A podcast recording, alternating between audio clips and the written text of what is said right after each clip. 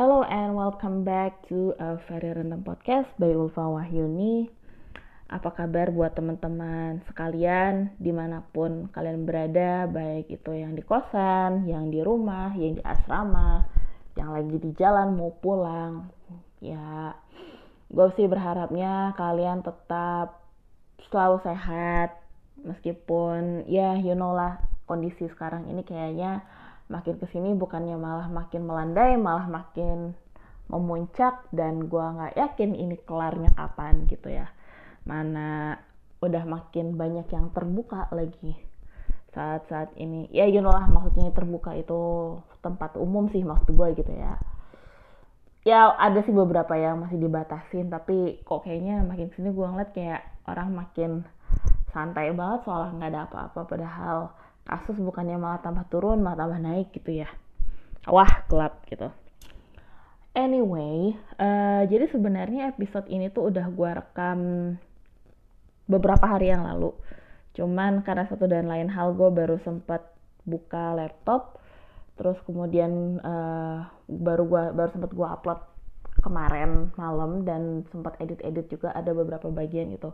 Karena ini uh, episodenya kebetulan gue ngerekamnya pakai laptop karena gue ngerjain ini pakai zoom.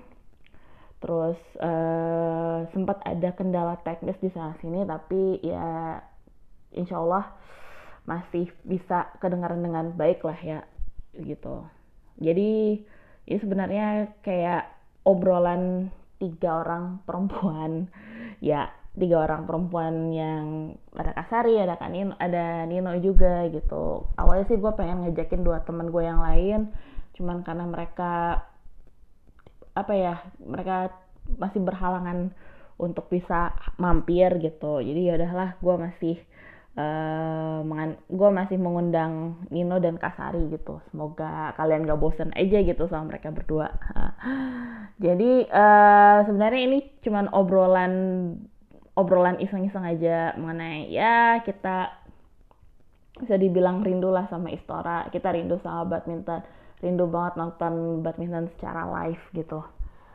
Yaudah deh daripada gue kebanyakan ngomong sana sini mending langsung dengerin aja ya. Sebenarnya apa sih yang kita omongin gitu? Check it out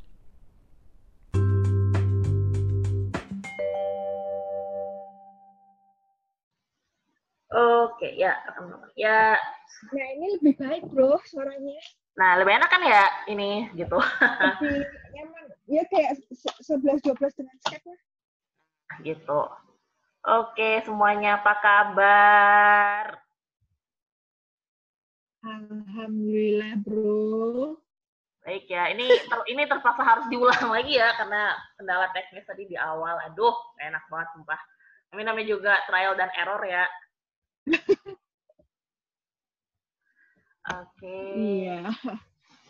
Terus mau gimana lagi ya nggak? Ya kalau ya namanya juga kita kan mencari media yang enak gitu untuk untuk ini gitu.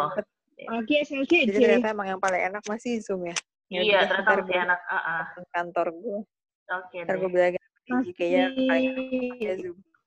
Iya, kayaknya juga mungkin gitu sih kenapa gue yes, kalau Skype Skype gue udah nggak tahu ke mana lagi nih akunnya gitu jadi pengen pengen pakai Skype juga gimana akun gue udah nggak tahu ke mana lagi oke okay, jadi nggak punya akun juga uh -uh. oke okay. uh, jadi ya kan sebenarnya awalnya kita mau ngomongin soal uh, pengalaman kita nonton bulu tangkis ya in general gitu jadi maupun uh, pengalaman pengalaman kita nonton bulu tangkis turnamen internasional deh ya. E, catatnya boleh turnamen internasional pertama kali deh. E, itu kapan di mana atau apakah itu mungkin emang benar-benar pertama kali banget e, nonton badminton tuh di Istora atau pas waktu event apa gitu kan. E, mungkin ada yang mau sharing. Tadi kan e, Nino sempat ngebahas soal nonton GPG ya di Malang perlu diulang nggak nih? diulang, diulang aja deh kak udah. Iya benar benar. Diulang aja ya. Iya diulang, diulang aja. Ini iya, aja. Uh, Jadi diulang. kayak diulang aja tapi diulang aja lah. Uh, tapi ya, tapi ya kita fokus ke badmintonnya aja dulu gitu. Yang sekarang. Iya, oke. Iya. Nino dulu deh, Nino yang tadi ngomongin soal GPG tadi kan. Jadi kan gue pertama kali nonton Iya, jadi kan pertama kali di UM Malang itu. Itu Iya. pas bulan Desember itu. Jadi seminggu setelah gue wisuda, gue kan daftarin diri buat extension di sono kan. Ya cuman emang gue gagal sih. Ya udahlah, gimana lah. Terus gue lihat ada banner di samping-samping tuh ada Indonesia gitu lagi. What? Ya udah deh. Akhirnya besoknya gue mutusin untuk nonton daripada nggak ngapain-ngapain kan. Hmm, gitu. Jadi Oh. waktu itu harga tiketnya gimana? Eh, lanjut, lanjut, lanjut, lanjut dulu. Jadi harga tiketnya tuh harga tiket harga mahasiswa banget gitu. Jadi awal gue nonton harganya tiga puluh ribu. Terus pokoknya pas quarter final itu lima puluh ribu. Hmm. Nah pas weekend itu Sabtu Minggu tujuh puluh lima ribu. Nggak nyampe seratus ribu. Hmm. Lu nonton full itu? Tiap hari?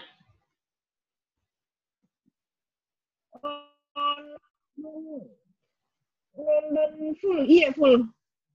Masih inget gak siapa aja yang main? Namanya juga nggak ada kerjaan, baru lulus. siapa aja yang main, no? gue inget ada si Sindu, terus Sri Kandi, Stan Kidabi, terus ada Bu, Cibutet, Owi, Debi, Praven, Cik Vita, dan itu Cik Vita turnamen terakhir ya di situ. Oh, turnamen terakhir Cibita di situ. Oh, oh, waktu itu kalah dari Tang Yuan Ting lawan Yuyang. Oh, WD ya? Iya, WD. Hmm. Sama Nabiaman Rati, kalau nggak salah gue lupa.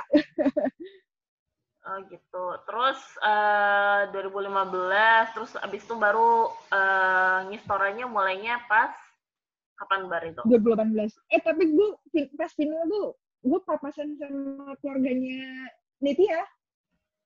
Oh, gimana Jadi ceritanya tuh? gue nonton di, di, di belakangnya tandanya Nitya sampai kan law- law- sama Nitya kan lawan Kang Yuaning dan Iyang itu kan.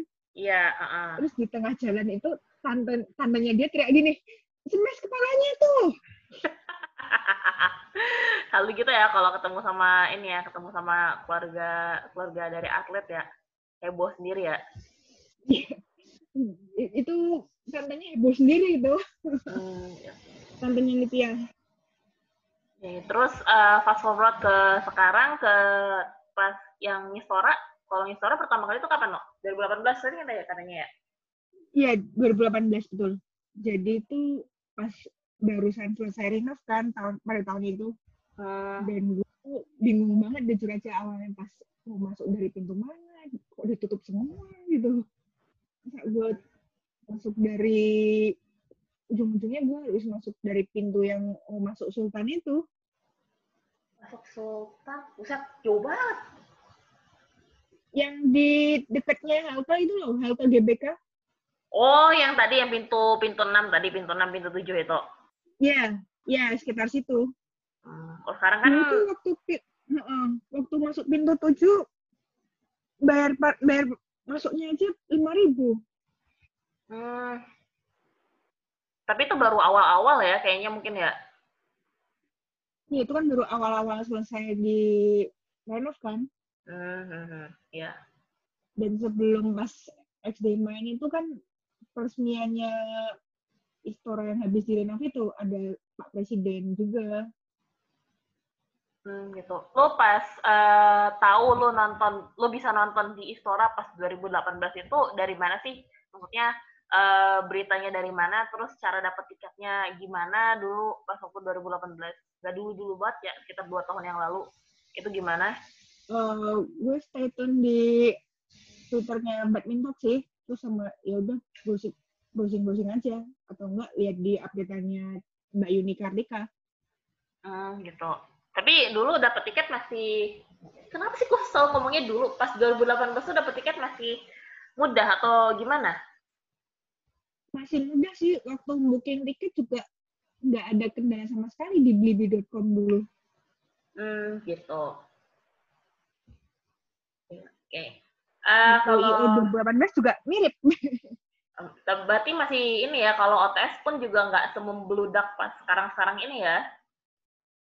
Iya, betul. Kalau OTS paling yang gudeg pas finalnya sih.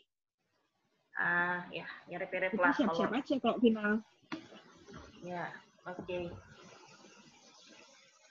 Kalau Kak Sari gimana Kak? Hmm, kalau gue karena dulunya gue tuh lebih dulu lagi pak dari lu. Ya udah nggak apa-apa. Uh, um, ya udah deh kita lang melangkah mundur aja deh kalau kalau uh, apa uh, kalau ngomonginnya harga tiket karena gue tahu komplek GBK dari tahun 90-an lah ya, 90 atau 2000-an awal sampai sekarang, uh, gue merasa bahwa kenaikan harga tiket yang signifikan banget setelah Asian Games itu, uh, it's it's still worth the facilities gitu. Karena uh, apa ya, perkembangannya jauh banget. Memang harus diakui bahwa renovasi kawasan GBK secara keseluruhan uh, untuk menyambut Asian Games itu emang mengubah banget wajah komplek GBK deh gitu. Jadi uh, apa ya keamanannya jauh meningkat, kebersihan dan keindahannya jauh. Uh, kemudian perparkiran juga jauh lebih tertata dan gak ada lagi preman-preman parkir.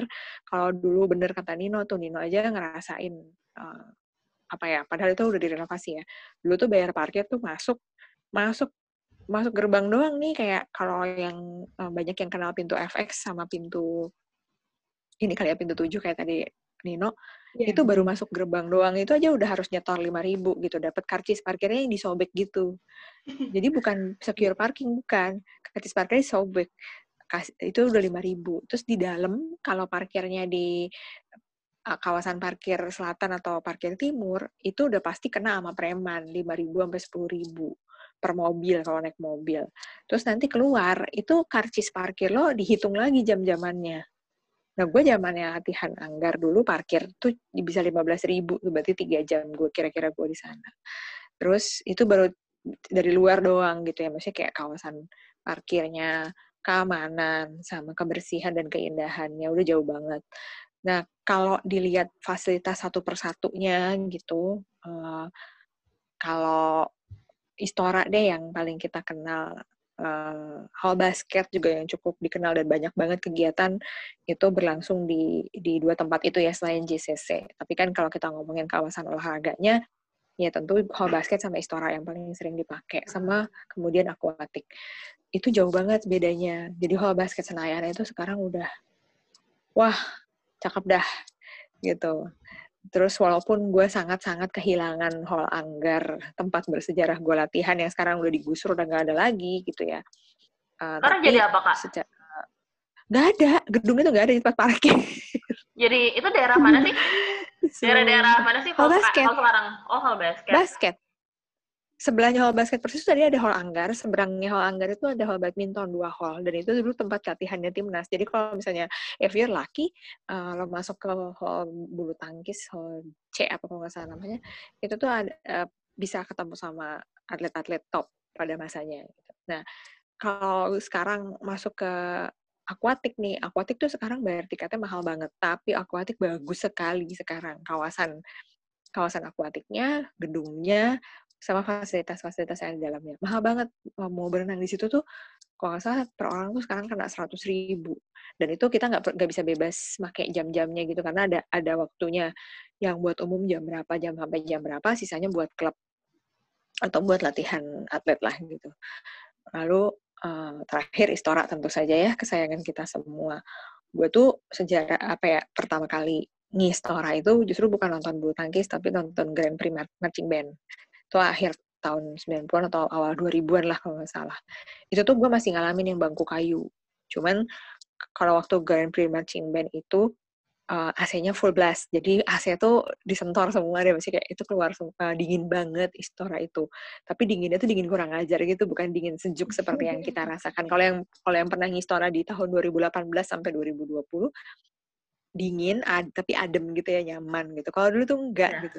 Anginnya tuh nyentor banget dingin kayak bikin masuk angin gitu. Kayak Terus bener-bener di dalam kulkas gitu ya, Kak?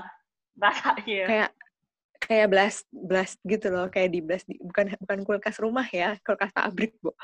Jadi dingin banget. Itu kalau GPMB ya.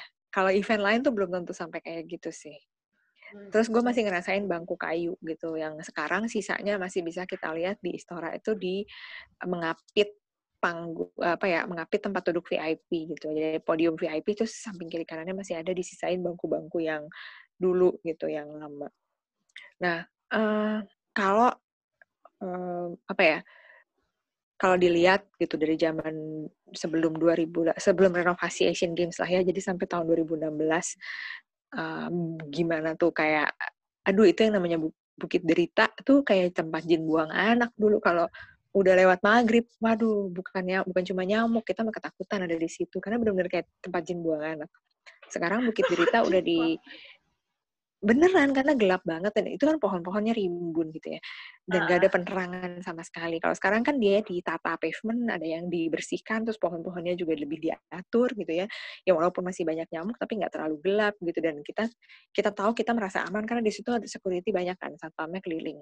Nah dulu nggak ada. Jadi sebetulnya kalau kita mau membandingkan harga nonton event olahraga di Senayan sekarang sama Hmm. sebelum tahun 2018 eh, paling jelas aja deh Indonesia Masters, Indonesia Open yang dilangsungkan sebelum tahun 2017 itu kan jauh lebih murah harganya.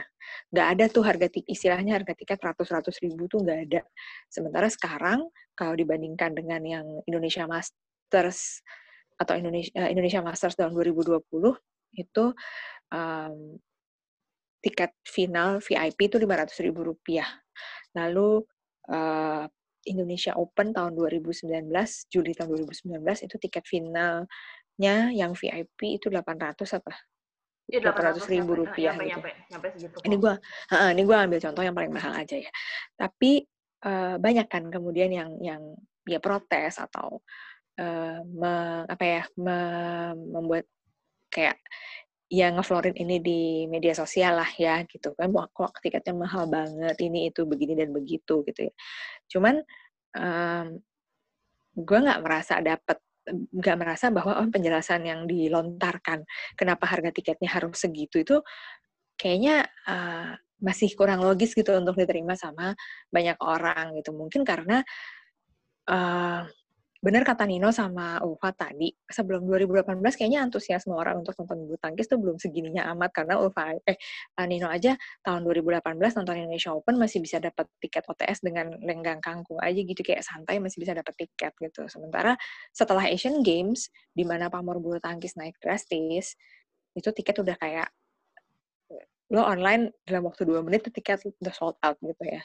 Nah dari Ya situ banget, kita bisa lihat kan gitu Uh-uh, nah, buat orang yang nggak tahu, yang belum pernah ngistora uh, atau uh, apa namanya yang yang nggak tahu dulu GBK tuh kayak apa, GBK secara general ya, kemudian Istora dulu kayak apa, mungkin nggak masuk di akal gitu harga kayak harga tiketnya mahal banget gitu. Dan buat orang-orang yang dulu pernah nonton di Istora, uh, harusnya inget dong Istora dulu kayak apa gitu. Aduh gitu bukan hanya bangkunya yang nggak nyaman bangku kayu itu aja gitu. Cuman kawasannya juga tuh udah kayak aduh nggak enak banget deh gitu. Maksudnya kalau dibandingin sama yang sekarang ya. Kalau misalnya taunya ke keadaan Istora yang sekarang terus kemudian masih protes mahal tuh buat gue kayak aduh you just don't know deh gitu. Karena gini uh, Jadi alasan kayak- paling logis aja. Jadi kayak lu bilang ada harga, ada kualitas gitu ya kayak. Ada harga ada kualitas. ada gitu ya. harga Oh ada iya, gitu It- loh Betul, ini dan ini pernah dibahas juga kan di podcast yang sebelumnya gitu bahwa eh, lo tuh nyewa Istora itu nyewa gedungnya aja udah hitungannya M. Gedung doang ya? Iya. Gedung Iya. doang tuh M per hari loh. Lalu eh, per hari itu seharian gitu ya. So 24 hours hitungannya M. Belum lagi fasilitas penunjangnya, belum lagi eh, third parties yang harus dilibatkan. Kemudian eh, satu hal, kapasitas. Dulu waktu masih bangkunya kayu, kapasitasnya itu 10.000 orang di dalam gedung Istora. 10.000 total. Belum kalau ya karena bangkunya kayu panjang-panjang itu masih pepetin ya, bisa aja lebih dari 10 ribu. Sekarang kapasitasnya itu cuma 7 ribuan, 7 ribu, 7 ribu 200. Bayangin berkurang sampai dengan 3 ribu. Ya otomatis harus kalau harus nutup biaya sewa yang jauh meningkat dengan kapasitas yang jauh berkurang, ya tentu saja harga tiket yang um, apa ya dikenakan gitu di bandrolnya ya otomatis lebih tinggi dong gitu. Jadi itu alasan yang paling logis menurut gue gitu. Dengan fasilitas yang ada sekarang, tentunya harga sewanya mahal. Tetapi kapasitasnya berkurang jauh gitu loh. Jadi kayak sebenarnya dua hal itu aja udah cukup loh untuk menjelaskan. Jadi nggak usah melebar melebar ke mana-mana gitu.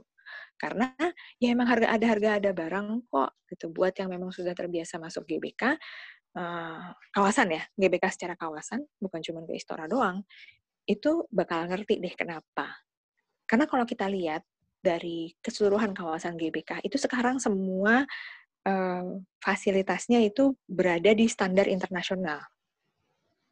Uh, lapangan hoki, lapangan rugby, lapangan bola, GBK, apa misalnya stadion utama segala macam. Jadi kayak ya emang emang mahal gitu merawat merawat GBK ini gitu dan gue sebenarnya masih senang banget karena peninggalan tahun 2018 masih terawat dengan baik dan bukan hanya oleh orang-orang yang memang bertugas merawat, tapi orang-orang yang berkunjung ke sana gitu. Kalau gue lihat orang kalau masuk kawasan GBK tuh taat banget sama aturan gitu. Jarang yang gue lihat orang buang sampah sembarangan misalnya, atau nggak ngantre kalau mau masuk atau apalah gitu. Jadi ya sebenarnya sih uh, gue senang gitu karena uh, orang-orang yang masuk GBK tuh orang-orang yang juga mau ikutan jaga GBK gitu, apalagi yang emang rutin berolahraga di sana.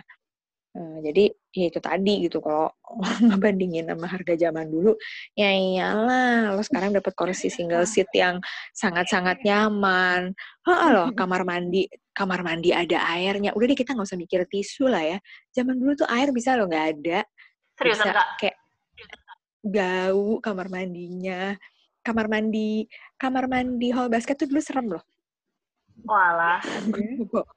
gue gak bohong kamar mandi. Kamar mandi hall basket itu dulu serem. Kamar mandi hall anggar kecil, tapi ya karena hall anggar tuh kan jarang yang make ya, jadi gampang jaganya gitu. Nggak terlalu nggak terlalu jorok gitu, karena yang make dikit dan yang jaga tuh baik banget. Gitu. Tapi kalau kita hmm. pergi ke ya itu tadi tempat-tempat jin buang anak tuh aduh ya ampun tempat jin buang anak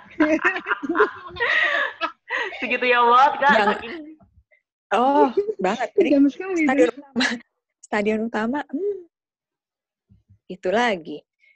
Bangku tuh bukan buat duduk, buat berdiri kalau di stadion utama. Itu dulu ya. Walah. Gila lah. Iya, jadi uh, maksud saya adalah um, ya in one way aku mau bilang uh, ini dalam keadaan gue kemarin banget nih ke sana ya ke ke Gelora gitu kawasan uh. Gelora ini dalam keadaan gak ada event aja, itu semua masih kerja di situ. Yang bagian ngebersihin masih bersihin, security masih jaga keamanan, mereka masih keliling. Lalu uh, apa sprinkler masih masih berfungsi gitu untuk lapangan-lapangan yang emang harus uh, dirawat rumputnya atau apa namanya rumput sintetisnya itu sprinkler masih jalan. Lalu di beberapa tempat uh, memang sih nggak semua WC itu dibuka kalau lagi uh, nggak ada event ya. Jadi kayak di lingkar stadion tuh juga nggak semua toilet dibuka gitu. Di apa ya ya wajar sih kayak ngerti sih kalau misalnya nggak semua dibuka. Tapi ya kayak musola terus toilet-toilet di tempat-tempat tertentu gitu yang strategis itu masih dibuka dan masih dalam keadaan yang bersih gitu. Jadi eh, nggak uh, heran kalau misalnya nanti uh, akan ada event entah apa gitu ya baik itu event olahraga atau event lainnya mungkin aja nanti harga sewanya juga naik gitu. Karena selama nggak ada kegiatan aja dirawat gitu. Terus uh, kalau ngebandingin sama yang lalu-lalu wah ada jauh banget. Uh, uh, bisa aja gitu kayak nanti November misalnya mau ada Indonesia Open gue nggak tahu jadi apa enggak.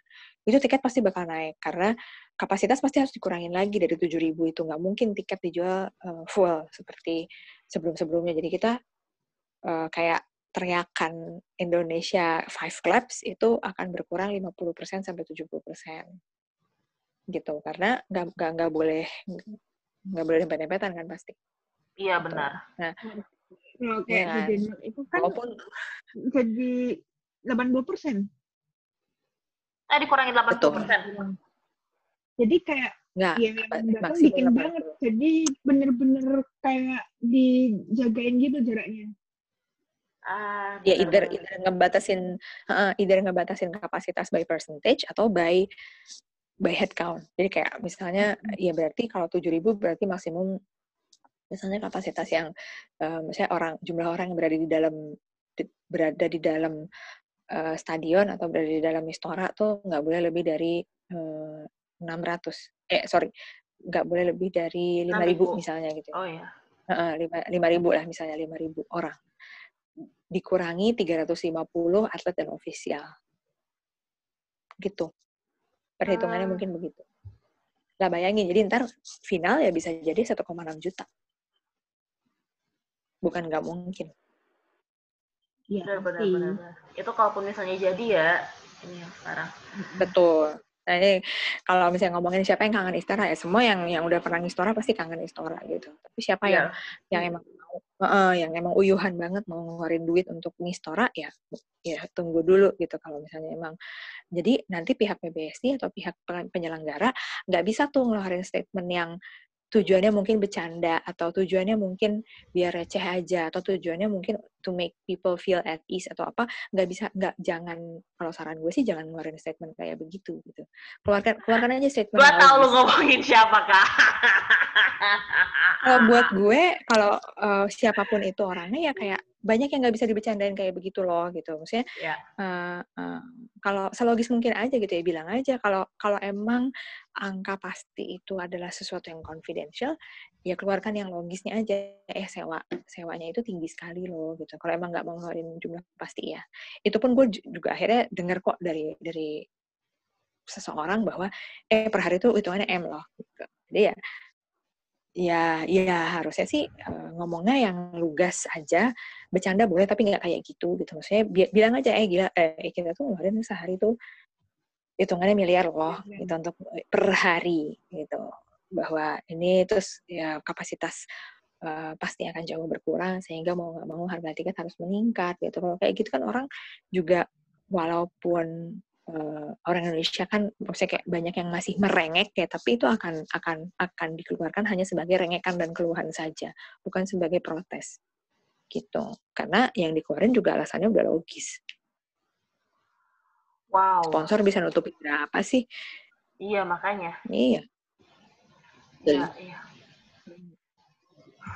Jadi kayak uh, siapa sih yang tidak rindu kawasan GBK? Ya, kalau menurut gue sih kalau misalnya emang uh, ih gue kangen deh sama Istora ya boleh aja main-main ke kawasan GBK uh, eh, ke kawasan Istora juga. Kemarin gue lihat banyak kok orang-orang yang jalan-jalan aja gitu foto-foto atau duduk-duduk atau main skateboard atau sepedaan gitu uh, dengan tetap memperhatikan aturan dan protokol kesehatan atau protokol keamanan yang berlaku di kawasan GBK semuanya ada di ini kok di medsosnya mereka. Jadi kalau cuma sekedar kangen pengen lihat dan pengen lewat aja sih kawasan GBK terbuka.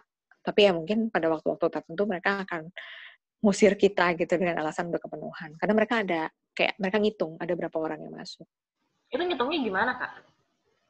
Pakai time time apa sih kayak kalau kalau di kawasan lingkar dalam yang stadion itu mereka hitung pakai emang ada kayak tiker gitu terus mereka kayak ngelapor gitu loh. Kayak mereka koordinasi bahwa di pintu sekian udah sekian orang yang masuk ya mereka akan tutup jadi yang pintu yang dibuka tuh cuma dua atau tiga jadi kalau misalnya di pintu ini udah masuk 300 gitu, ya di pintu yang eh, di pintu itu akan ditutup. Jadi silahkan coba ke pintu lain dan kalau di pintu lain bilang di sini udah limitnya, di situ udah limitnya ya udah kita harus nunggu di luar setengah jam kalau nggak salah. Nanti yang di dalam diusirin keluar. Oh gitu. Dan ada jam-jam di mana mereka tutup. Ada jam-jam di mana mereka uh, lingkar dalam tuh mereka tutup. Hmm, I okay. sip. Uh, terus sekarang kan uh, tadi kita udah cerita-cerita nih uh, tentang uh, pengalaman pertama kita gimana. Terus, oh tadi gue nggak terlalu cerita ya. Awal gue, uh, kalau gue kan pertama kali nonton itu pas APG the Asian Para Games kan 2018. Terus uh, akhirnya gue nonton benar-benar nekat banget nonton Indonesia Masters 2019 benar-benar nggak ada teman nggak ada apa gitu kan Eh, ada gua kan. ya kan dia kan jadi akhirnya kan ada lu kan yang ini yang apa eh, dari awal nge-DM. iya kan lu kan pertama yang DM udah sih dari situ terus kita ketemuan di FX Eh, pas waktu gue pertama nonton itu kan eh, kalau nggak salah gue nonton masih reguler tuh karena gue beli tiket sendiri kan barulah Iya. gara-gara lu no. Gue nonton gue nonton itu bawa-bawa ke VIP kan pas waktu Indonesia Open 2019 karena kira gue eh, menggali kocek lebih dalam lagi. Eh, nonton ke ini kan nonton ke VIP kan. Ya tapi worth lah ya gitu kan.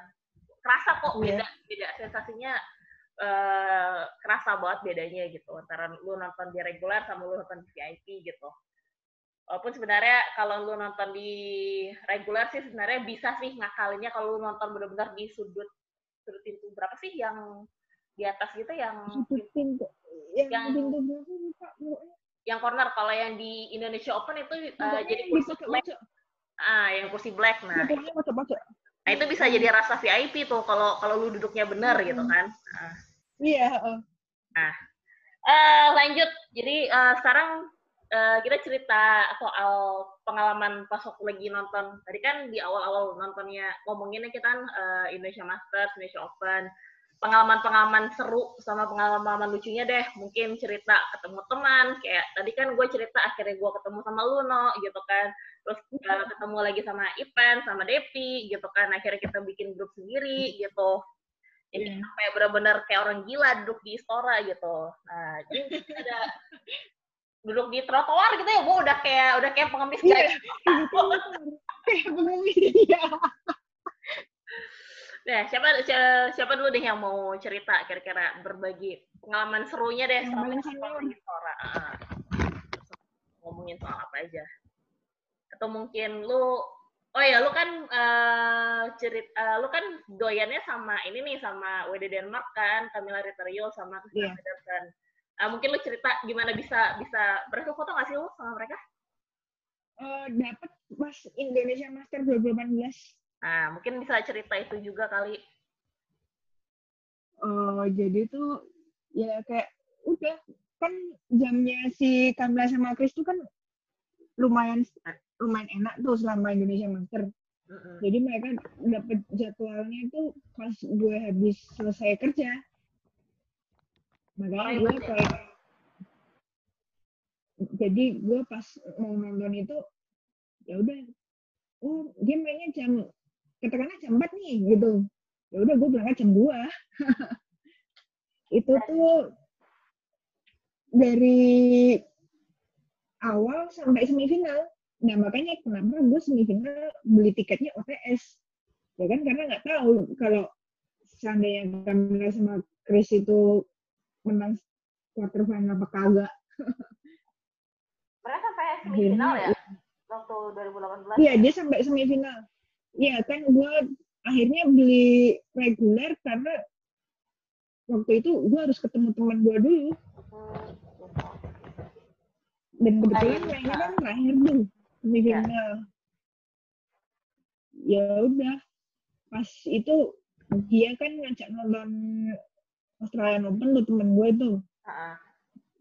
Ya udah, gue temenin sampai selesai finalnya tuh. Akhirnya Hmm. ya pas waktunya giliran Kamila sama Chris main semifinal, dia lari-lari tuh. Kok bisa? Lari Kok lari lari biar nggak telat. Karena oh karena lu lagi nonton Iya, kan. Australia Open di luar ya. Gitu. Iya bener. Ada-ada aja lu. Iya, itu gara-gara pendukungnya Simona Halep garis keras itu. Hmm. Alah, ada-ada aja. Terus kalau misalnya yang lain, yang lucu-lucu yang lain gitu, kira-kira ada nggak? Eh ya paling kayak jalan sendiri, terus sempat hujan-hujanan juga yang pas sama Ivan itu kan celana gua basah tuh. Habis ketemu si Hasan. Eh, itu bukannya pas waktu bareng sama gua ya? Iya yang sama lu. Nah itu Habis hari Kam hari Kamis kan ya? Hari Kamis yang kita habis nonton. Iya. Nah, terus abis kita itu, Kamis Ah, ah. terus abis itu kita ngapain ya? Abis itu kita ke F, eh, ke FX atau ke mana sih? Ke hotel ya? Atau ke mana sih? Gue lupa. ke hotel ya pas kepulasan itu Oh iya ya, ah, ya itu itu itu benar benar benar itu itu itu emang ini emang gila banget ya kita itu. Kita ngapain ya awalnya waktu itu ke hotel? Hmm, nyari siapa ya? Rawinda apa sih gue lupa. Ah Rawinda, lu sama siapa? Eh bukan bukan, hmm, pokoknya hmm, paling kayak ngadem doang gitu loh. Gue lupa dah. Iya itu sempat sebenarnya yang pertama kali kita ini ya ke hotel Century Outlet itu ya, gue juga sebenarnya kan iya. uh, karena gue nggak tahu mau ke mana, sebenarnya jadi kan gue ngikut gue aja kan, gitu ngintilin mm -hmm. aja kan sebenarnya. Tapi makanya gue bingung pas dari awal sebenarnya tujuan kita tuh ke hotel ngapain, padahal kita nggak minta foto, uh, kita nggak minta foto, kita nggak yeah. ngasih hadiah, kita kayak cuman bener-bener kayak orang gak jelas aja gitu ke sana gitu ya. Iya itu. Subhanallah. Untung baik dia. eh, gue sempat, oh gue sempat foto nih tapi ya, ya itu HP gue kan, nah, eh, kayaknya masih ada deh mungkin backupannya nih. banyak, backupan harusnya banyak lah. ada kayak, gue kalau kalau foto ini sih kalau foto IM 2008, eh IM 2019 kayaknya gue masih ada backupannya. Kalau bio mungkin bio pasti ada. Kalau yang 2020 nih gue nggak inget nih. Karena sebagian besar nah, makanya kemarin gue sempet nanya sama ini sempat nanya sama Devi kan pas waktu gue foto kemarin oh iya pas gue foto kemarin sih itu sumpah ini benar-benar gila banget. Yang benar-benar unexpected banget ya kayak udah kayak apa sih kayak gue benar-benar abis dari kampus terus awalnya kan lu mau juga mau ikutan ya no ya? Mm -hmm. uh, lu kan juga mau ikutan mm -hmm. jadi eh, nggak uh, jadi kan lu kalau nggak salah masih di kantor atau apa gitu. Akhirnya cuma ya, gue berdua sama Devi. Terus Devi itu akhirnya kita ke ini dulu ke Sultan dulu. Gue nggak inget nemenin siapa. Pokoknya ada yang uh, temannya Devi itu juga mau uh, ketemu sama uh, atlet di Sultan gitu kalau nggak salah uh, terus akhirnya baru nontonin ini kan baru nontonin Marin sama Kristi sama karena kan emang bener-bener tujuan awal kita kan cuma pengen mau foto sama Marin doang kan karena ya lu tau lah Marin kan yeah. susah banget dicarinya gitu kan jarang yeah, banget beredar yeah. gitu hotelnya beda sendiri ya mana hotelnya beda sendiri dia kan hotel pakai sponsor kan uh, terus mm -hmm. Uh, sampai jam berapa ya? Jam setengah tujuhan gitu kalau nggak salah, itu kan setengah tujuhan gitu. Itu sebenarnya kita udah kayak orang bego banget kita cuma berdiri doang di situ. Berdiri, itu kita cuma berdiri doang nungguin. Jadi kan kemarin tuh kayak bawa krunya gitu kan. Mm yang kameramennya itu ya? kameramen dan segala macamnya dia bawa sendiri kan. Kita tuh bener-bener gak ada yang berani dan bukan cuma gua sama Devi doang ya yang pengen foto gitu kan sama sama dia gitu emang banyak yang lain. Dan yang lain tuh gak ada yang berani gerak. Akhirnya pas waktu jalan dia udah jalan dikit mau ke mobil kan baru deh kira-kira ada satu-satu. Tapi ya enak sih sebenarnya. Kemarin mah mau mau aja ngeladenin gitu. Dia emang satu foto gitu kan foto. Terus akhirnya uh, eh, gue foto si uh, Devi. Pokoknya pokoknya giliran kita berdua tuh udah paling terakhir banget. Abis itu kemarin pergi udah kayak orang beruntung banget lah itu sumpah. Sampai kita keluar dari kawasan itu udah kayak orang gila banget. Kayak yeah berhasil gitu kan bener-bener kayak bener-bener terbayarkan banget gitu uh, karena apalagi gue kan bener-bener gue inget banget itu hari Senin gue abis nih kan uh, minggu-minggu ya, minggu-minggu ngistor itu kan sekarang gue minggu-minggu mau proposal kan mau proposal tesis kan terus gue iya. abis abis abis revisian gitu kalau nggak salah abis revisian terus akhirnya gue nekat ke Istora kan karena mau ngeliat Marin itu terus ya udah akhirnya berdoa doang gue Bismillah semoga bisa ketemu foto gitu sama Marin gitu kan. Tapi emang epic banget sih gila. Itu emang benar-benar kebayar sih gitu. Walaupun ya gue dengan dengan dengan tampilan yang udah udah udah dekil banget udah kumal banget bodoh amat gitu kan. Buat yang penting yang penting gue ada foto sama Mari gitu. Walaupun ya itu uh, kan kebetulan yang foto pakai kameranya Devi dan HP gue itu hilang kan jadi uh, gue sempat nanya lagi tuh sama si Devi itu fotonya masih ada nggak dia bilang nggak ada dong kurang nggak ada banget. Untung pernah gue upload di ini kan, pernah gue upload di Twitter. Akhirnya gue nge-scroll lagi tuh Twitter gue dari awal. Bener-bener gue cari banget. Saking, ya karena bener-bener saking berharganya buat ya tuh foto. Itu yang bener-bener unedit banget ya, yang belum gue edit sama sekali. Gitu. Oh, oh iya, inget gak sih yang pas Lawrence Smith itu?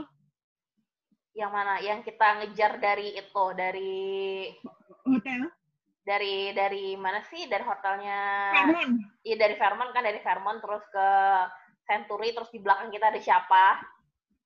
Iya itu itu tuh kan rada-rada silly juga itu.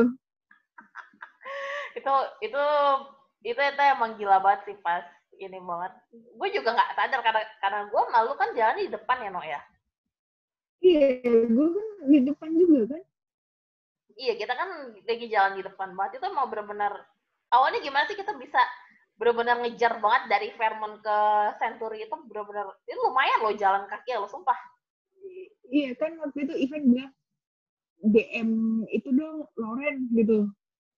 Ya udah akhirnya gue beraniin diri buat nge-DM kan. Meskipun gue agak-agak nggak enak hati gitu sama dia. Terus habis itu ya udah gue DM. Terus beberapa menit kemudian dibalas katanya Century. Eh buset. Ngapain jauh-jauh coba? parah itu sumpah tapi ya apa sih maksudnya kita nggak kita duduk di Fairmont juga sebenarnya juga nggak nyesel nyesel banget ya Iya bener. Eh, tapi yang agak-agak parah tuh 2018 sih.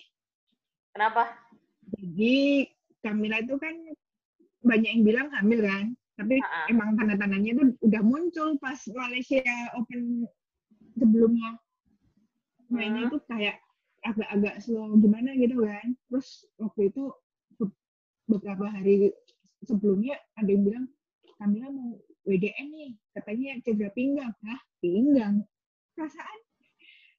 Terus gue sambil berharap, ya Allah jangan dong, jangan jangan mundur dulu dong gitu. Mending lu main aja deh, biarpun kalah udah gitu. Eh ternyata waktu itu kalah dari Suyating sama Uti Jung itu per- pertandingan terakhir mereka. itu babak berapa babak kedua ya eh babak pertama Babak pertama walah R1 itu. hmm, hmm. bener-bener kayak kayak mau nangis rasanya habis pertandingannya mereka itu. nangis banget dan itu Iya, benar-benar benar-benar benar-benar eh, benar-benar terakhir banget lagi ya Iya, terakhir banget karena kalahnya dari Taiwan kan. ya Tuhan dan Dan uh, waktu itu kan gue baru bangun tuh sebelum Istora tuh. Terus orang Denmark itu ada yang nge-DM gue gini, eh bangun gue, itu tuh si itu follow merek kereta bayi, heh? terus Akhirnya pas itu abis ya udah dia kayak mau menang atau kalah, udahlah ya. Terus gue mikir kayak gitu. hmm, gitu Terus seminggu setelah Indonesia Open, udah deh. Nah, kabar itu kan dikonfirmasi sama federasinya tuh, udah deh, bye. Gitu toh. Iya. Hmm, Nah, kalau Kak Sari gimana Kak pengalaman yang seru-seruannya kira-kira yang bisa diceritain ke kita? Ya, Coba, ah, tadi kan kan gue sama Ya. Nino kan udah cerita tuh Kak, bukan teman kita yang aneh-aneh lah sama di Istora. Lu kira-kira ada ada pengalaman apa nih selama dari 2019 kemarin sampai yang terakhir pas Januari kemarin? Pengalamannya yang lucu-lucu Hmm. kira-kira. yang lucu-lucu. Itu Apa eh, aja sih sebenarnya terserah. Ya, jadi gue reconnected sama sama Oli lah udah lama banget gak ketemu terus tiba-tiba eh, dia ngiming-ngimingin gue eh, karena kita oh, biasanya kita chatting doang nih gitu terus dia eh, ngiming-ngimingin gue nyetanin gue buat jadi gue tuh beli tiket Indonesia Master 2019 itu cuman eh, R2 sama quarter finals Eh, Ah ya. cuma quarter finals doang sorry cuma quarter finals doang gitu terus Heeh. ya karena waktu itu ya ya udahlah quarter finals aja. Karena pikiran gue kalau quarter finals itu kan masih banyak yang main. Kalau semifinal tinggal dikit apalagi final. Ah, males lah gitu. Jadi Heeh. eh, quarter finals aja. Terus tiba-tiba dia nyetanin gue buat beli tiket round eh, R2 karena di round 1 di R1 itu Chou Tien-chen kalah. Terus kita gue kaget kan apaan nih? Gitu. Apa yang terjadi? Kok seseru itu? Gitu. Ternyata uh, bakal banyak kejadian seru nih kayaknya. Udah deh udah kak beli kak beli gitu. Jadi gue disetanin sama Oli ya udah deh gue beli terus gue ambil cuti. Gue ambil cuti gue gue ambil cuti mendadak aja gitu kayak gue bolos aja. Hari ini gue ngantor gitu. Jadi ketahuan deh.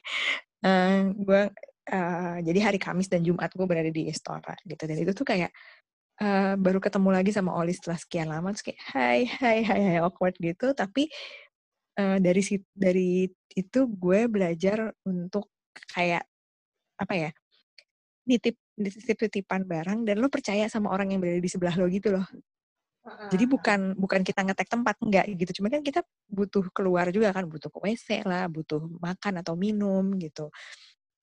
Terus belajar percaya sama orang-orang yang ada di kiri kanan lo, tapi lo juga harus bisa dipercaya sama orang itu gitu. Jadi kayak Mbak titip ya, itu bukan nitip kursi untuk ngetekin tempat, tapi kayak ya gimana orang mau pergi ke toilet kok gitu ya. Itu tuh iya, buat gue tuh pengalaman yang unik aja gitu kayak gue harus percaya sama sebelah kiri kanan gue untuk gue nitipin tas gitu. Dompet sama HP gue bawa sih. Terus uh, yang berikutnya tentu saja adalah menyaksikan atlet-atlet uh, yang idola lah gitu ya atau yang selama ini cuma bisa dari TV doang gitu atau di streaming doang terus kayak itu mereka ber berjalan tepat di depan lo gitu. Terus berapa alay banget kak? Wah banget waktu pertama gitu dan tapi kan gue gak kuat ya naik turun naik turun gitu jadi kayak gue bener kayak ya udah terserah lo pada yang mau turun turun terus kayak mau tos-tosan sama atlet dari pinggir lapangan silakan gue gak ikut gak kuat gue naik turun tangga ya kan walaupun gue di VIP itu tuh apa ya uh, oh jadi begini gitu. Jadi kayak learning the curves apa kayak the the nooks and crannies of nonton di Istora tuh ya di situ gitu. Terus nah pas waktu Indonesia Open tuh baru uh, ketemu sama sama mutuals gitu. Maksudnya sama sama orang-orang yang nge-hype barengan di di Twitter atau di uh, Instagram gitu. Ketemu sama nggak semua sih kayak beberapa orang aja gitu yang apa ya uh, selama ini cuma kenal nama doang gitu. Ada beberapa yang uh, tapi gue nggak ikut. Apa sih kayak meet and greet atlet tuh nggak ikut karena gue tahu bakal bakal sesak banget gitu bakal empet empetan banget. Jadi ya kayak udahlah nggak usah gitu. Let's just be reasonable. Kita nggak ikut. Masih nonton sama Oli tentunya. Dan di situ tuh gue ngalamin yang antre panjang bahkan sebelum pintu dibuka itu tuh di situ tuh. Gitu. Ah, apa itu? Pas uh, meet and kayak, greet ya enggak pas mau masuk Istora doang Bayangin gak sih? Jadi pintu dibuka jam 12, pertandingan dimulai jam 11, itu lo udah jadi jam 10 gitu, kayak lo udah harus duduk di situ ngantre. Itu tuh waktu Indonesia Open. Terus, uh, itu hari waktu... pertama kak? Atau hari kapan ya? Hari pertama banget ya itu ya? Oh itu udah, enggak kalau hari pertama sih masih bebas banget. Hari, itu udah quarter final deh yang mulai Jumat ya itu udah mulai yeah. mulai mulai ngantre ngantrenya gila-gilaan tuh itu uh, quarter final. Terus itu tuh gue gue inget banget uh, gue bawa anak gue quarter finals tuh. Jadi gue beli tiket terusan sebetulnya. Tapi terus uh, entah gimana kayaknya gue pengen ngajak anak gue deh gitu. Jadi gue nyari tiket lah jadi nyari orang yang ngejual tiketnya karena nggak jadi datang terus akhirnya gue beli COD-an di stasiun Tebet terus gue bawa anak gue nah anak anak gue ini aneh banget deh. Jadi dia yang tuh, gede kak? iya yang kecil. Oh, yang kecil. yang kecil? waktu itu uh, waktu tahun lalu berarti dia masih kelas tiga ya. Nah aneh banget. Jadi uh, dia tuh anaknya kan super cuek gitu kan. Jadi uh, gue bawain buku gambar gue bawain alat tulis gue bawain snack dan susu. Nah boleh masuk karena dia masih anak kecil kan. Terus di dalam tuh tiba-tiba gue aku ngantuk terus dia minta pangku terus dia tidur tepat pada saat Jonathan Christie main. Lo bayangin gak sih Istora kayak apa ributnya, kayak apa hebohnya Istora, orang teriak-teriak, jingkrak-jingkrak. Dia tidur di pangkuan gue. Luar dugaan ya. Kok bisa? Gak terganggu. Gak terganggu. Di pang, dia minta pangku, saya tidur aja di, di pelukan gue. Gue kayak gak bisa ngapa-ngapain. Di sekitar dia, ya semua orang lo bayangin gak sih Jonathan Christie bertanding itu kan kayak apa gitu. Itu quarter finals. Gitu. Terus terus ya udah gitu. Jadi oh, dia bangun iya, iya. bilang pertandingannya selesai. Dia bangun menjelang pertandingannya selesai. Subhanallah sekali. 34 luar biasa ya anak satu itu. Itu tuh. Bisa ya tidur gitu. Gue saking kalaupun misalnya ngantuk pun di iya mah ada beberapa beberapa saat sih pas kalau misalnya gue lagi nonton Hmm. emang ngantuk banget sih tapi nggak sampai Iyalah. ketiduran yang itu banget Tidur. mah subhanallah sekali Tidur. bisa bisa tidur Dan tidurnya bukan pada saat pertandingan yang kayak ya udahlah gitu pemain dari negara mana atau siapa gitu. Enggak. Jonathan Christie. Pas lagi rame, kamu nggak kegang, nggak nggak ini deh nggak ribut, enggak, enak malah gitu. ya Tuhan ada-ada aja ya Dia tidur. Terus waktu Indonesia Masters yang kemarin itu yang eh, ya gue nggak gue lagi anak gue dia nggak mau gitu. Padahal ya gue bersedia aja sih sebenarnya beliin dia tiket entah di hari apa kayak kamu lah mau ibu beliin tiket? Dia bilang nggak nggak mau. Ya udah. Padahal gue pengen lihat lagi gitu. Emang bisa nggak ya dia tidur gitu pas Fajar ini gitu. terus eh, itu kalau di Indonesia Masters kemarin bu- bulan Januari itu berkesan banget karena makin banyak ketemu sama sama teman-teman yang ya baik yang baru kenal ataupun yang emang udah kenal beberapa lama ya sejak eh, Indonesia Open itu gitu. Jadi kayak gue tuh kayak seneng banget gitu. Jadi bener-bener jadi bisa duduk bareng-bareng bisa support atlet yang kita suka bareng-bareng ngejar-ngejarnya juga bareng-bareng jadinya gitu. Jadi sempat ketemuan dan janjian sama sama ya ada dua atlet lah gitu. Jadi yang eh, apa ya ada bukan berapa perlakuan khusus tapi karena emang ya karena pertemanan itulah gitu jadi bisa ketemu yang lebih di tempat yang lebih enak dan lebih private sama si atlet ini gitu. Dan sempat Ah, jadi ngobrolnya juga lebih enak dan lebih panjang gitu. Eh, terus apa lagi ya? Itu pas Oh, ini pas em, kemarin nggak? Pas di IAM Iya, 2020 Januari ya? kemarin. Mm, iya terus waktu oh gue mundur lagi deh ke yang Indonesia Open 2018 itu tuh di saat 19 itu gue tuh merasa eh, 2019 eh kok gue 18 mulu ya ngomongnya?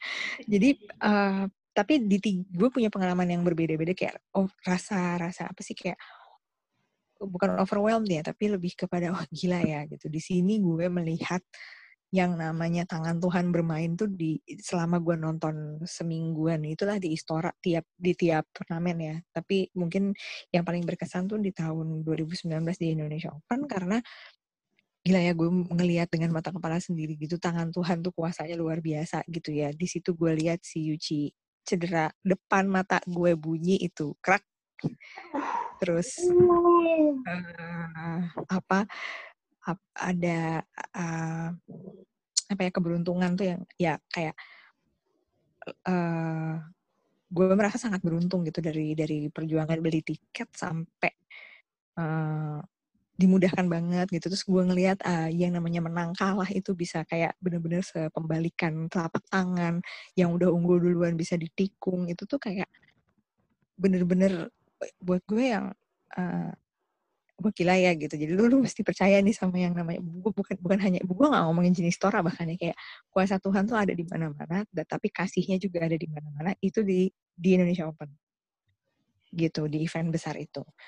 Terus em, apalagi ya eh overwhelm per- pertama emang kalau Mistora pertama tuh emang rasanya tuh euforianya gila-gilaan ya. Dan it's, it's very overwhelming gitu.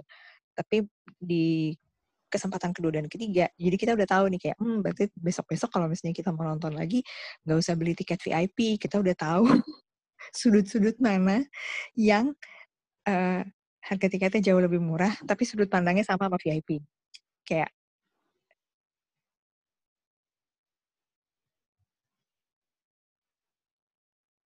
halo? Halo ya ah Nah, terus ada lagi em, terakhir nih adalah eh, apa?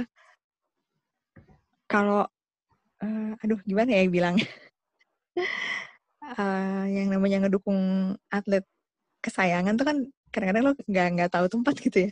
Jadi gue udah ngalamin gue mendukung atlet Prancis dalam bahasa Prancis dan gue waktu em, jadi apa ya eh, pelatihnya tuh juga sampai bingung gitu ngelirik-lirik ke, ke tribun gitu kayak siapa sih nih yang teriak-teriak pakai bahasa Prancis gitu kayak ngajak ngobrol gitu kali. Terus karena Oli teriak-teriak ya? teriak-teriak dalam bahasa Norwegia. Jadi gue pernah teriakin Brice Leverde. Terus Oli neriakin semua pemain Nor eh, Denmark dengan bahasa Norwegia. Terus juga sambil lihat-liatin gitu kayak ini siapa sih gitu yang ngomong pakai bahasa gue gitu. Dan Ya terakhir kemarin di Indonesia Master adalah gue neriakin Tom Jikel sama Davin Dalro. uh, Delvin Deru dalam bahasa Prancis kan. Terus mereka menang lawan Ucok sama Meli. Gue sendirian yang teriak kencang banget gitu. Gue gue diliatin orang setribun. Waduh. Karena gue Iya. dukung mereka. Ya bukan salah gue dong kalau terus eh, dia menang gitu mereka menang sih. Gue kayak ya dukung dukung aja gitu kan kayak ya udah kalau Meli sama Ucok kan yang dukung seistora yang sih banyak. Kesian dong nih orang Prancis juga orang kecil-kecil gini kan. Nggak ada yang Iya. dukung ya udah deh gue dukung gitu kan. Gue semangatin lah pakai bahasa Prancis. Pasti kedengeran karena kan orang lain nggak ada yang ya pada saat mereka serve kan gak ada yang ngomong kan ya gue gue teriak lah bahasa Prancis gitu kan. eh terus menang. Terus Terus gue teriak dipelototin gitu. gue dipelototin dipelototin banget. Tadinya gue terus gue janjian tadi gue terus gue kirim message kan ke mereka. Heeh. bisa nggak ketemu gitu kan? Mereka ternyata mereka nggak ditarik ke ruang pers jadi eh, nggak sempat ketemu karena mereka harus langsung pulang ke hotel. Tuh, jadi gue nggak jadi ketemu deh sama mereka. Tadi udah janjian mau ketemu ya nanti nanti abis ini gitu. Tapi lu sebenarnya sempat nggak sih kak foto foto gitu sama atlet? Kebetulan banget nih jadi waktu gue lagi nunggu-nunggu di daerah situ Tomo yang yang tempat atlet lewat-lewat dan eh, apa namanya eh, mau ke ruang pers itu eh, gue di- kita disamperin. Jadi gue ada beberapa orang di situ. Sebenarnya kita bukan gue lagi nunggu itu. Gue nunggu Delvin sama Tom kan Tom Jika sama Delvin Daru gue lagi nunggu di situ terus gue disamperin sama orang BWF yang bawa bawa kamera gitu. Nanti kamu di sini ya kumpulin eh diam ya di sini jangan ke mana-mana. Emang ada apa? gue bilang gitu. "Eh, Marin mau mau lewat jadi biar ada orang di sini kata dia gitu. Karena itu lagi sepi banget karena di dalam kan yang lagi bertanding pemain Indonesia jadi nggak ada yang Ah. di luar tuh orang. Jadi gue lah di, dikumpulin lah gitu di, biar biar banyak orang katanya di situ. Terus gue kayak oke gitu. gue akhirnya ya gue motret motret eh, Marin gitu tapi ya udah gitu gue nggak selfie atau nggak minta tanda tangan dia. Karena ya gue bener-bener nggak bawa apa-apa gue nggak bawa spidol nggak bawa alat apa pun yang kayak ya harusnya gue bisa minta tanda tangan dia sih gitu. Cuman akhirnya gue cuma motret aja. Cuman kalau janji kayak ketemu sama atlet ya by appointment gitu. Jadi kayak yang satu gue nge-DM dulu bisa nggak ketemu ketemunya di mana janjian. Yang satu lagi ya karena lingkaran pertemanan itu tadi gitu. Jadi sama itu juga janjian ketemu di mana siapa aja boleh berapa orang berapa lama gitu. Jadi kayak bukan yang ngejar-ngejar banget gitu sih. Enggak ya. Capek bu. Capek. Beda beda generasi ya soalnya ya. beda Tapi, generasi. uh, sebenarnya bisa aja gitu. Cuma kayak uh-uh. bisa aja cuma kayak enggak deh gitu. Terus kayak there must be a, smarter way to to meet them gitu. Dan ya ya sempet lah akhirnya ketemu sama ya ya kalau sama Tom Jikel sama Delvin Daru gagal karena. Uh, ternyata mereka harus segera balik ke hotel jadi nggak bukan dan bukan mereka yang ditarik ke ruang konferensi pers. Jadi kayak walaupun kalah jadi pada saat itu walaupun mereka menang dari, dari Ucok dan Meli tapi Ucok dan Meli yang ditarik ke uh, press room untuk press conference. Padahal gue nungguin mereka banget ya ternyata enggak dan mereka uh, segera balik ke hotel aja akhirnya. Sama ya ada dua atlet Indonesia yang by appointment gue. By appointment. Ya, ya kayak sopan-sopan lah gitu nanya di istora jam berapa bisa ketemu di mana gitu Hmm, iya sih. Tapi kan tadi lo sempat nyinggung apa sih sempat nyinggung dari kita Istora ini kan sebenarnya kita eh, circle pertemanan kita kan jadinya bertambah gitu ya kak ya. Mm-mm. Ah, tadi kan enaknya. Gue ah, gue juga sebenarnya eh walau untuk yang tahun ini sendiri itu salah satu yang benar-benar gue berkesan banget itu adalah gue ditraktir makan. Jadi kayak oh iya eh, iya, jadi kan eh, di ini no yang pas waktu gue hari Sabtu ya waktu semifinal itu. Padahal gue sebenarnya nggak nonton Oh ya. iya iya. Ah, gue sebenarnya nggak nonton kan, cuman kayak memang ada salah satu donatur di Twitter gitu. Jadi dia kayak mem- mewakilkan, dia bilangnya gini karena gue nggak bisa ke Istora, jadi gue pengen ngebayarin orang yang mau ke- yang lagi di Istora buat makan makanan kesukaan gue waktu itu. oh Nah, di situ Ingat kan gue. akhirnya, ha Nah, di situlah akhirnya kan gue tuh sebenarnya eh, karena nggak nonton kan, tapi cuman gue mau datang, gue pengen rame-ramean, pengen ketemuan kan, karena kebetulan salah Mm. satu salah satu yang pengen gue temuin uh, salah satu orang yang mau ikut itu adalah temennya uh, teman SMA-nya sobat gue di uh, S1 gitu kebetulan. Ya, pokoknya mutualan lah gitu iya, ya. mutualan gitu. Salah orang. uh, nah gitu kan. Ya udah gitu dan akhirnya kan karena karena kebetulan gua nggak nonton, yang lainnya nonton kan akhirnya gua diamanahkan sama dia kan. Ya udah uh, Pak lu aja deh yang ngatur makanannya gimana, pesanannya gimana. Kebetulan dia yang ngirim duitnya, gua yang pesen makanannya gitu kan. Uh, terus kan karena emang kebetulan selesainya jam 7, tapi uh, jam 7 malam kan kebetulan beresnya. Gue udah udah udah pesen tuh makanannya kan kebetulan. Makanannya itu uh, kita ada dibeliin uh, kopi susu, es kopi susu, terus kemudian dibeli nasi goreng kambing sama uh, sama chicken wings gitu yang dari FX know lah gitu kan nama store-nya. Yang akhirnya gue harus beli di Grab karena biar dapat uh, potongan juga biar lebih murah gitu kan. Nah, terus kayaknya udah udah ngumpul sih sebenarnya janjiannya itu 10 orang gitu kalau nggak salah. Jadi sebenarnya gue tuh beli makanan itu porsinya buat buat banyak kan kak. Gitu. Jadi uh, gue beli makanan itu kebetulan buat banyak kan. Tapi nggak uh, tahu kenapa kayaknya uh, beberapa akhirnya memutuskan karena udah malam juga ya, udah jam setengah delapan malam gitu kalau nggak salah. Uh, akhirnya yang lain memutuskan untuk uh, paling cuma makan sedikit, uh, makan dikit itu itu juga udah gue paksa-paksa kan eh lu makan dulu makan dulu sebelum pulang makan dulu makan dulu ngabisin bantuin dulu ngabisin gitu kan. Bantuin dulu ngabisin gitu. Akhirnya uh, dapatlah uh, cuman beberapa orang doang gitu sisa nggak salah. Akhirnya cuman sisa gue sama si uh, Bang Jo ini si Bang Jo tadi yang yang di awal gue pengen bilang itu sama si Bang Jo ini. Akhirnya gue uh, sambil duduk-duduk sambil ngobrol doang kan makan-makan terus akhirnya kita bingung ini sisanya banyak banget nih kita mau ngapain? Gitu kan. Uh, akhirnya satu gue kasih ke siapa gitu kok nggak salah gue lupa. Uh, satu gue pokoknya ada ada tiga kotak satu gue kasih ke uh, siapa atau satu satu kotaknya gue kasih ke Bang Jo akhirnya satu kotaknya lagi gue kasih sama gue dan itu bener-bener masih banyak banget. Jadi kayak emang uh, gue dapat nasi gorengnya dapat terus gue dapat si chicken wingsnya gue dapat dapat si minumannya gue dapat gitu. Mau bener-bener rezeki ini gila banget lah itu sumpah. Subhanallah sekali banget emang udah dapet yang satu itu. Parah.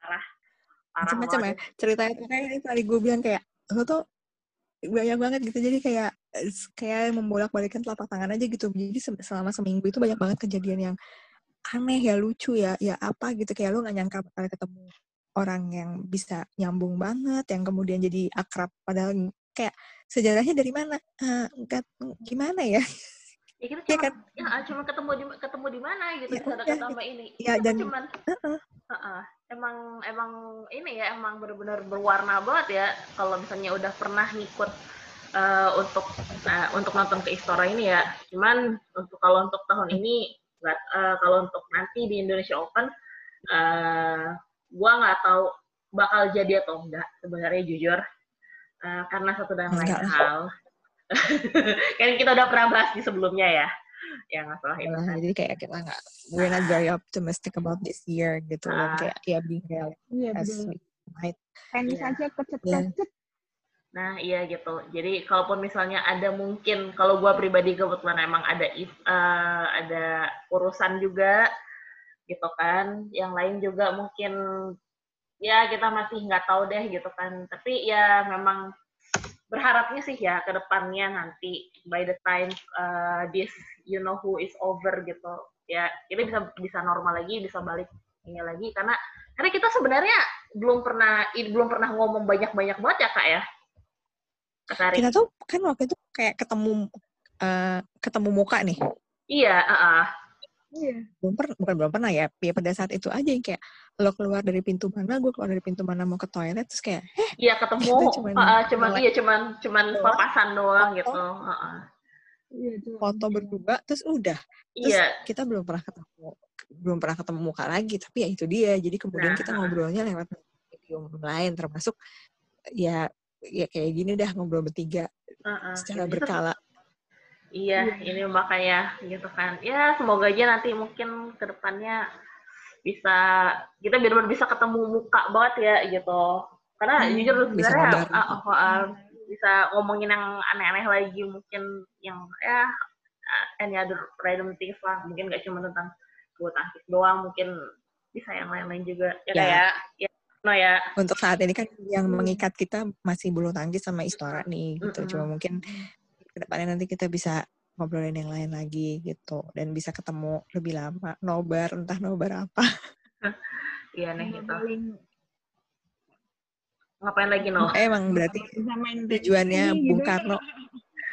Tujuan Ah. Bung Karno bikin Istora dan GBK untuk pemersatu bangsa ya memang iya sih. Karena di circle Hmm. kita yang kecil banget ya maksudnya kayak ada beberapa circle di perbulutan perbelan dan per peristoraan ya emang iya sih. Jadi kayak banyak banget yang belum pernah ketemu sebelumnya akhirnya dipersatukan oleh eh, walaupun baru sekali ngistora tuh udah jadi teman kemudian gitu.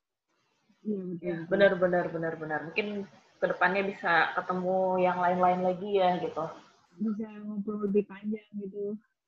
gue sih sebenarnya masih masih banyak sih pengen ketemu sama yang lain-lain apalagi yang di Twitter sih gitu. Kayak apa ya kayak kan gue lupa lagi siapa. Ya udah pokoknya banyak sih sebenarnya di Twitter yang Banyak. pengen banget. Iya banyak Ya. banget ketemu. dan.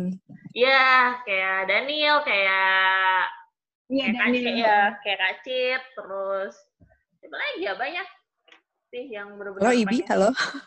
Ibi Iya. kapan kita. Ibi, iya. Iya, Ibi nggak tahu kalau misalnya dia tuh, ya kalau misalnya dia balik lagi ke Indonesia kan, ini sebenarnya kan dia rencananya pas Iya. ini pas pas ini pas pas Indonesia Open kemarin Indonesia Open tadi dia mau nge-live, mau podcastnya mau live. Cie dari Istora. Mau Iya, sombong dia makanya. tadinya. Iya, dia mau sombong tadinya. Eh, pandemi. Ya, gimana ya? Ya namanya kita juga nggak tahu. Gitu. Duitnya pada udah kekumpul ya, Bo. Ya, sekarang akhirnya duitnya Iya. dia dibalikin lagi deh ke tabungan yang lain gitu. Duitnya gue Ah. kepake buat yang lain dong. Iya, gua Udah gua, gue pakai ba- buat yang lain duit. Iya, sama. Udah deh. Oke, karena usaha Iya, iya. kita ngobrol sampai udah hampir tengah malam gitu ternyata ya.